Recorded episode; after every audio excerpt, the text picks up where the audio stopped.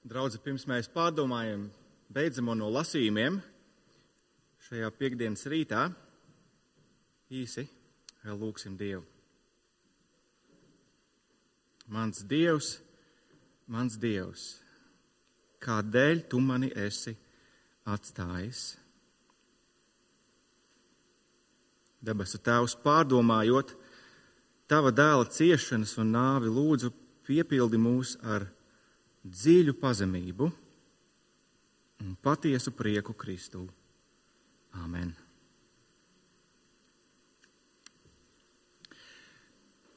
Es domāju, ka neskatoties uz to, ko mēs domājam par lieldienām, ko mēs saprotam ar lieldienām, šajā brīdī kopumā mēs visi esam diezgan vienoti sajūtās par to, kad šis viss vienreiz beigsies. Ar to, protams, es domāju Covid un, un visas tās sakas, ko mēs kā cilvēki kopīgi piedzīvojam. Mūsu ikdienas realitāte, diemžēl, arī pirmajos 2021. gada mēnešos turpina raksturot tieši tās pašas problēmas. Mūsu un mūsu tuvinieku veselība, tiek ietekmētas mūsu draudzības, mēs nespējam tikties, mūsu finanses cieš, un tā tālāk un tā joprojām. Un arī mēs zinām to, ka kādiem mūsu vidū šis gads ir iesācies īpaši, īpaši sāpīgi, zaudējot savus vecākus. Sāpīgi piedzīvojot šīs pasaules sairšanu un, un nāvi sev apkārt, mēs klusāk vai skaļāk kliedzam uz Dievu. Dievs, kāpēc tā notiek? Kāpēc tā notiek tagad? Kāpēc tā notiek ar mani? Dievs, kur tu esi? Kāpēc tu mani esi atstājis šajā? Šāds dvēseles kliedziens atbalstos 121. psalma autora palīdzības saucienu. Es paceļu acis pret kalniem, no kurienes nāks man palīdzība. Un pēc brīža viņš saņem atbildi sev: Mana palīdzība no kunga, kurš radīs debesis un zemi. Bet kas tieši Dievam ir jādara, lai palīdzētu? Jeb, jeb kāda veida palīdzība mums ir visvairāk, kā cilvēkiem nepieciešama? Un kā Dievs šo palīdzību mums sniedz? Lielās piekdienas Un patiesi visas kristietības atbild uz šo jautājumu ir Kristus krusts. Nāves agonijā, karājoties pie koka staba, Jēzus savā miesā izcieš visas pasaules sajūšanas sāpes un piedzīvo nāvi atšķirībā no pilnīgi visiem. Marks, šī evaņģēlīja autors, kā allaž lieto maz vārdu, lai to atklātu mums, bet tas, ko viņš izvēlas pateikt, ir pietiekami un pilnīgs. Atslēgu uz izpratni par to, kāpēc lielās piekdienas un visas kristietības centrā ir Kristus krusts, ir atrodama šajos divos Jēzus kliedzienos pie krusta. Ieskatieties vēlreiz 34. pantā. Elī, Elī, Lamazabahtanī, tulkojumā mans dievs, mans dievs, kādēļ tu man esi atstājis? Un vēl ieskatieties 37. pantā, bet Jēzus skaļi iekliedzās un nomira. Tiesa, pirmajā brīdī nav acīm redzams tas, kā viena izmocīta un visu atstāta cilvēka nāve var būt risinājums jebkam. Un varbūt, lai arī mēs, kas šodien šeit lielākā daļa no mums esam pulcējušies, varētu teikt, ka mēs par to domājam ikdienā, es aicinu mūs joprojām šodien nopietni pavērt, pavērties tajā, kas notiek šajās trīs stundās, Jēzum karājoties pie krusta. Tas pirmais, ko mēs ieraugām, ir, ka Jēzus ir atstāts Un viņš ir atstāts, jo Dievs ir dusmīgs. Jēzus patiešām bija visu atstāts. Tieši to mums parāda Marks jau iepriekš lasītajās raksturvietās. Vēl pirms tam mēs redzam, kā Jēzus mācekļi atstāja Jēzu tur 14. nodaļā. Visi aizbēg, Izraēla vadītāji viņu atmet, un garām gājēji vēl iepriekšējā lasījumā nievājoši izaicina Jēzu. Un par ko tas viss? Par to, ka Jēzus teica, Dieva valstība ir klāta. Un jūs varat zināt to, klausoties manos vārdos un skatoties uz maniem darbiem. Par to. Protams, ka Dievs ir dusmīgs. Viņš ir dusmīgs par to, ka viņa valdīšana un viņa valdnieks ir nonievāts, atmests un nonāvēts. Protams. Un Dieva dusmas nevarēja paslīdēt garām pilnīgi nevienam tajā dienā. 33. panta eh, tumsa pašā dienas vidū pievērsa gan visfokusētākā romiešu karavīru uzmanību, gan arī visneinteresētākā personas Pilāta uzmanību. Visiem bija skaidrs, ka te notiek kaut kas pārdabisks. Jo neviens nekad vēl nebija piedzīvojis saules aptumsumu pašā pusdienas laikā. Un neviens nekad vēl nebija piedzīvojis to, ka saules aptumsums varētu ilgt veselas trīs stundas. Un tas ir tāpēc, ka tas nebija saules aptumsums. Tās bija dieva taisnīgās dusmas par to, ka cilvēki atmet un nonāvē dieva sūtīto valdnieku. Tāpat 38. panta tempļa pārautais priekšskars. Tas pilnīgi noteikti pievērsa gan augsto priesteru Annas un Kajafas, gan viņu neticīgo kolēģu uzmanību. Viņiem visiem bija skaidrs, ka te, te notiek kaut kas pārdabisks. Tempļa priekšskats bija kārtīgs 20 metru augsts, 10 metrus plats un 10 eh, metrus biezs aizkars. To nevarēja ieplēst. Pat tad, ja to mēģinātu desmit priesteri tā kārtīgi, pie nosacījuma, ka viņi to ļoti gribētu. Un pat ja krietni, krietni lielāks priesteru pulks to mēģinātu saraut, tas noteikti neplīstu no augšas uz apakšu. Viņiem visiem bija skaidri redzams, ka saplēstais tempļa priekšskars ir saistīts ar dieva nepatiku pret to, ko viņi nu pat ir izdarījuši ar viņa dēlu. Dievs ir dusmīgs, viņš tiesā cilvēku sagrozīto reliģiju, viņš tiesā cilvēku augstprātību un lepnību. Jēzus ir atstāts, jo Dievs ir dusmīgs Interesanti, ko jūs domājat par šādu Jēzus dzīves nobeigumu?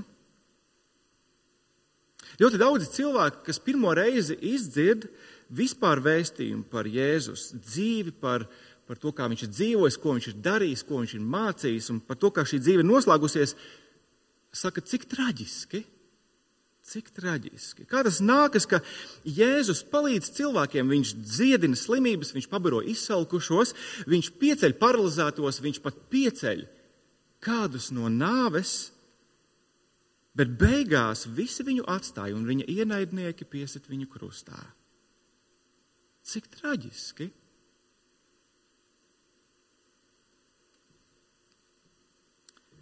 Un, protams, to sakot, cilvēki domā, ka viņi šajā brīdī ir labāki par farizējiem. Viņi pat domā, ka viņi ir labāki par šiem gļēvulīgajiem mācekļiem, kas visi ir atstājuši Jēzu. Cilvēki saka, nu, Jēzu, šajā, visā šajā es esmu ar tevīm. Viņi tiešām visi ir pelnījuši tavas dusmas un sodu. Bet, draugi, Marks grib parādīt to, ka pilnīgi neviens šajā brīdī nestāv kopā ar Jēzu.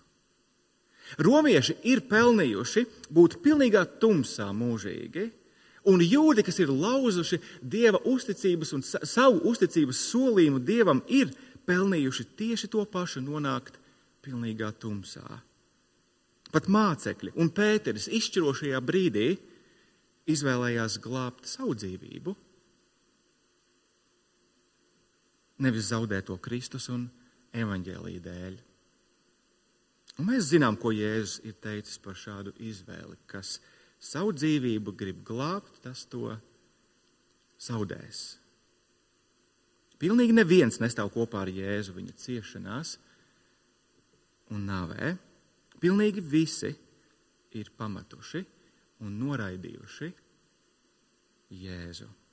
Ejot pa šo taciņu, mums ir jāatzīst, ka tieši to pašu būtu izdarījuši arī mēs. Un faktiski mēs ar savu dzīvi to arī bijām izdarījuši. Līdz Dievam lapa tika atklāt mums to, ka Kristū ir patiesība, ka Viņš ir tas, ko Viņš saka, kas Viņš ir. Tāpēc arī mēs bijām pelnījuši Dieva taisnīgās dusmas un sodu, pilnīgu tumsu, pilnīgu atsvešinātību no Dieva. Mums ir tik derīgi to izdarīt atcerēties. Un daudz tas palīdz mums ieraudzīt dieva dusmas pareizi. Dieva dusmas nav tāds spontāns izvirdums, nespējās savaldīt savas, savas emocijas, kas mums nedrošības rezultātā pēkšņi ir izsprāgušas ārā kādā brīdī. Nē, Dieva dusmas ir izsvērts lēmums sodīt savus ienaidniekus par to, ka tie ir atmetuši pasaules radītāju un kungu. Kamēr cilvēks nesapratīs, ka viņa lielākā problēma ir grēka vaina, radītāja un valdnieka atmešana, viņš neieraudzīs, ka viņa lielākā vajadzība ir grēku piedošana. Bet vai tu gribi teikt, ka viena izmocīta un visu pamesta cilvēka ciešanas un nāve var būt risinājums manai vainas problēmai. Jā, tieši to es gribu pateikt. Jo atzīsim, ko tas palīdz, ja cilvēkam pasaka tikai un vienīgi tu esi vainīgs. Ja bērnam, kurš saplēš puķu vāzi, netīšām pasaka, tu esi vainīgs. Vai ja jaunietim, kurš pa kluso paņem tēta mašīnas atslēgas, aizbrauc un sadauza to kārtīgi, pasaka, tu esi vainīgs. Vai darbiniekam, kurš, kurš sautīgi izlieto uzņēmuma resursus, viņa noķer pārkāpumā un pasaka, tu esi vainīgs. Vai laulātājiem, kas pieķerts laulības pārkāpšanā, pasaka, tu esi vainīgs. Un viss. Ko tas palīdz? Ja Jēzus krusta nāve atklāja vienīgi Dieva taisnīgās dusmas uz pasauli, uz mani, uz tevi, Kādā veidā tās ir labas ziņas man?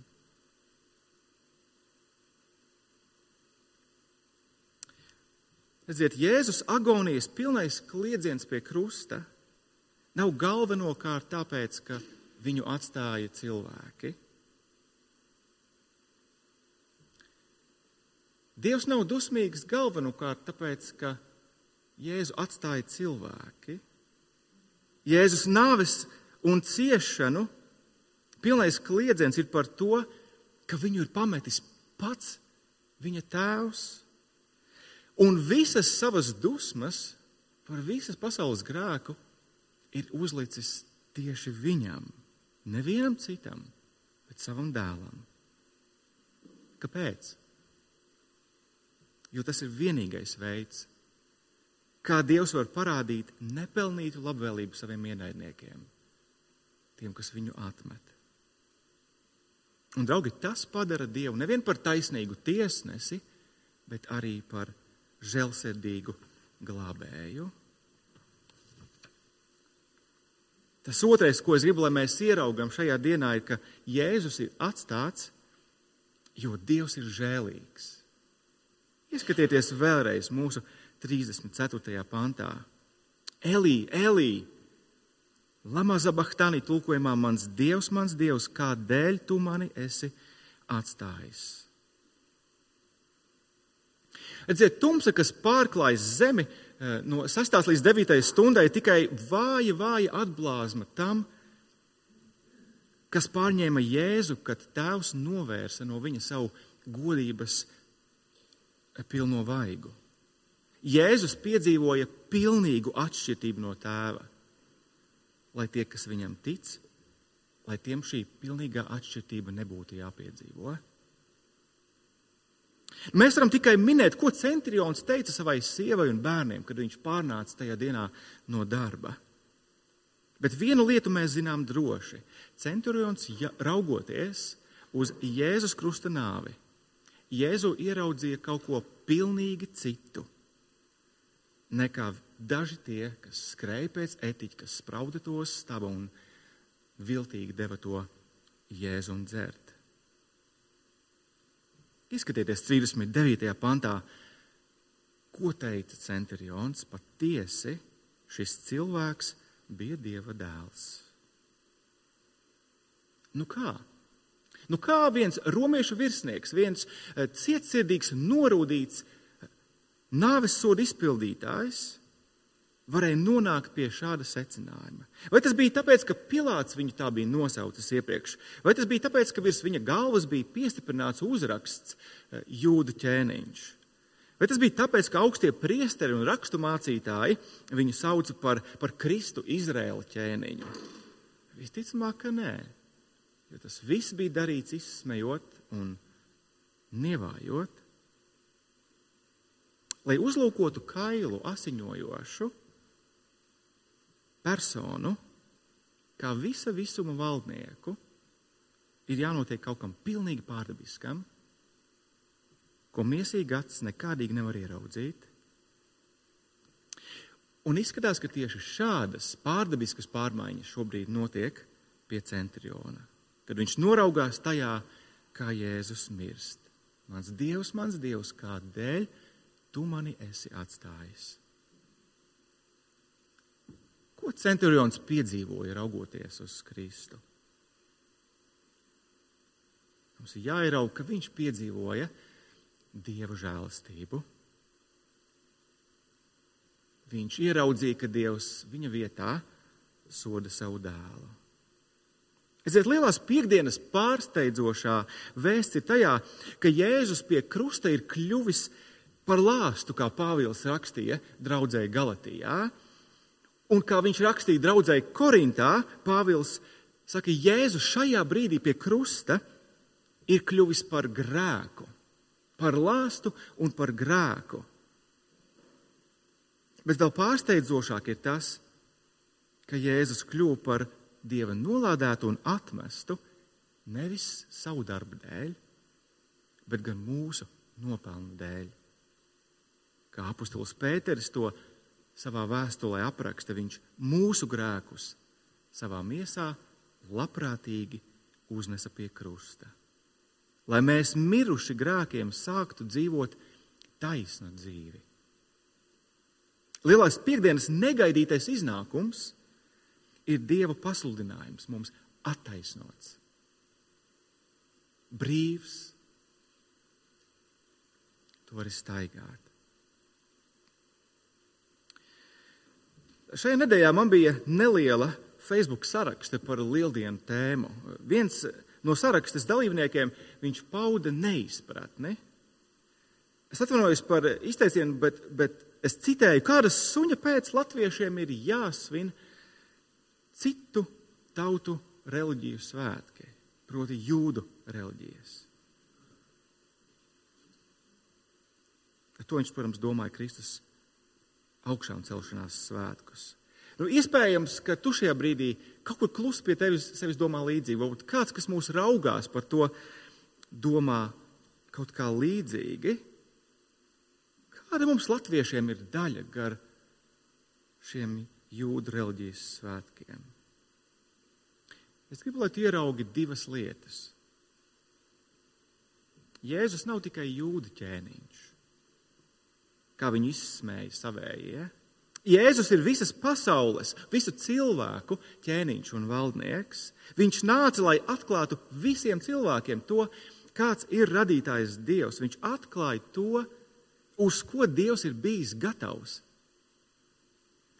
Lai pavērstu par labu visu to, kas ar šo pasauli nav kārtībā. Un Dieva risinājums tam ir nekas cits kā viņa paša dēla nāve pie krusta. Dievs atstāja Jēzu, lai varētu pieņemt tādu kā tevi, lai varētu pieņemt tādu kā mani. Kamēr tu nesapratīsi, ka tava lielākā problēma ir ķēniņa Jēzus noraidīšana, tu nesapratīsi to, ka tava lielākā problēma ir ķēniņa, vajadzība ir ķēniņa Jēzus pieņemšana. Jo viņš nav tikai jūda ķēniņš. Bet tas otrs, kāpēc? Kāpēc, lai, kāpēc, lai tu jebkad atteiktos no šāda piedāvājuma? Jaunas dzīves, nomazgātas sirdsapziņas, attaisnots no vainas, brīvs darīt labu. Kāpēc? Es zinu, tas izklausās nereāli, pilnīgi nereāli, bet tieši to Dievs ir izdarījis. Tieši to Dievs piedāvā ikvienam, kas paļaujas uz viņu. Dievs, kā vistaisnīgākais tiesnesis, krimināla lietas tiesas spriedumā, viņš tiešām pasludina notiesāto par vainīgu. Bet jau nākamajā brīdī viņš paziņo, ka, ka sodu par šo noziegumu uzņemsies viņa paša dēls, kas ir arī šajā krimināla lietā apsūdzību uzturošais prokurors. Un par ko tas padara vainīgo? Par ko tas padara notiesāto?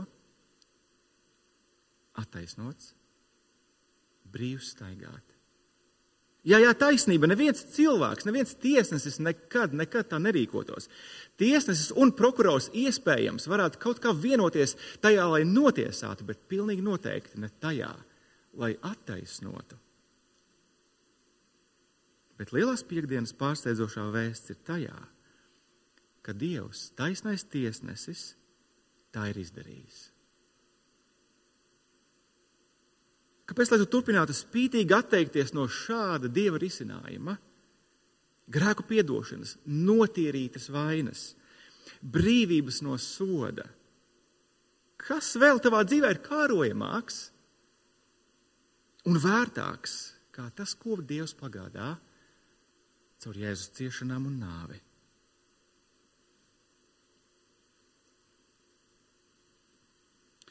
Un kā ir ar mums, kas mēs zinām, kāpēc mēs svinam lieldienas? Mums, kuriem Kristus krusts ir tiešām apbrīna, prieka un cerības pamatā. Jēzus pie krusta piedzīvoja pilnīgu pamestību, lai mums tā nekad nebūtu jāpiedzīvo. Mēs zinām, ka lielajā kopainā tā ir tik brīnišķīga patiesība, vai ne? Mēs atzīstam, cik svarīgi un, un cik, cik vērti ir tas, ko Kristus ar savām asinīm un lausto miesu ir sagādājis mums. Attaisnojošu spriedumu, piedošanu un pieņemšanu no Dieva puses ka tagad mēs visa visuma taisnīgo tiesnesi varam saukt par savu tēvu. Cik tas ir neaptverami brīnišķīgi. Bet, draugi, vai nav tā, ka savā šīs zemes pieredzē mēs savās domās citreiz sakām, Dievs man ir atstājis? Vientulība, darba zaudējums, veselības sarežģījumi, covid ierobežojumi. Dievs man ir atstājis. Vai tai sakojošas, ilgstošas nomāktība, raizes, vai pat kādos brīžos depresija, Dievs man ir atstājis. Tas var būt pēkšņs satricinājums, kas prasa lielus izdevumus. Dievs man ir atstājis. Tie jebkurā brīdī var būt sarežģījumi laulībā vai ģimenē, Dievs man ir atstājis. Tuvinieku zaudējums, sēras, Dievs man ir atstājis. Dievs, kāpēc tu mani esi atstājis šeit, šajā brīdī? Kādreiz klusāk vai skaļāk mēs saucam, Dievs, vai lielās piekdienas vēsts darbojās, vai tā darbojas arī manā šīs zemes dzīves pieredzē? Kāpēc man tā nešķiet? Un, draugi, ja Kristus krusts mums kaut ko iemāca, tad tas ir šis, kas sajūta un pieredze nenosaka to, vai dieva risinājums strādā. Redziet, lai arī Dievs uz trīs stundām atstāja Jēzu, viņš nekad nepārstāja mīlēt Jēzu. Un lai arī Jēzus uz trīs stundām jutās pilnīgi pamests un atstāts, viņš nepārstāja saukt uz savu tēvu mans Dievs, mans Dievs.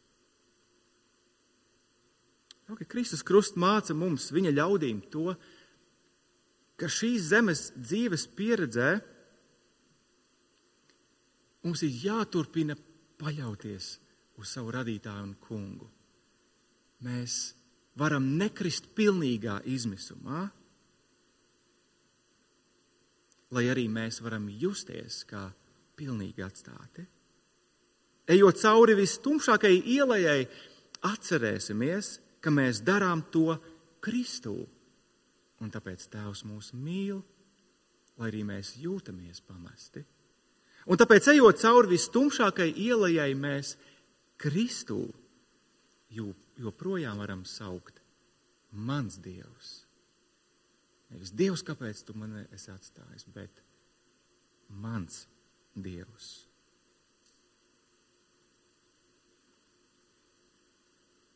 Viņš patiesi, patiesi bija Dieva dēls. Lūksim.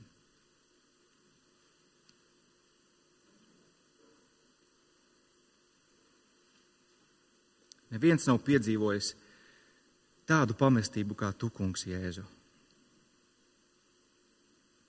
Neviens nav piedzīvojis tādas dieva dusmas kā tu, kungs, Jēzu.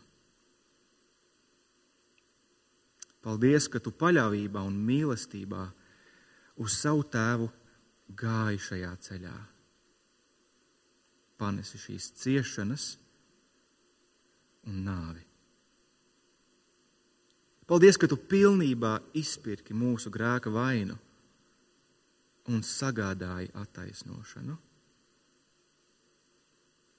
Paldies, ka tā mēs zinām, ka Tēvs mūs mīl. Un pat tad, kad jūtamies vieni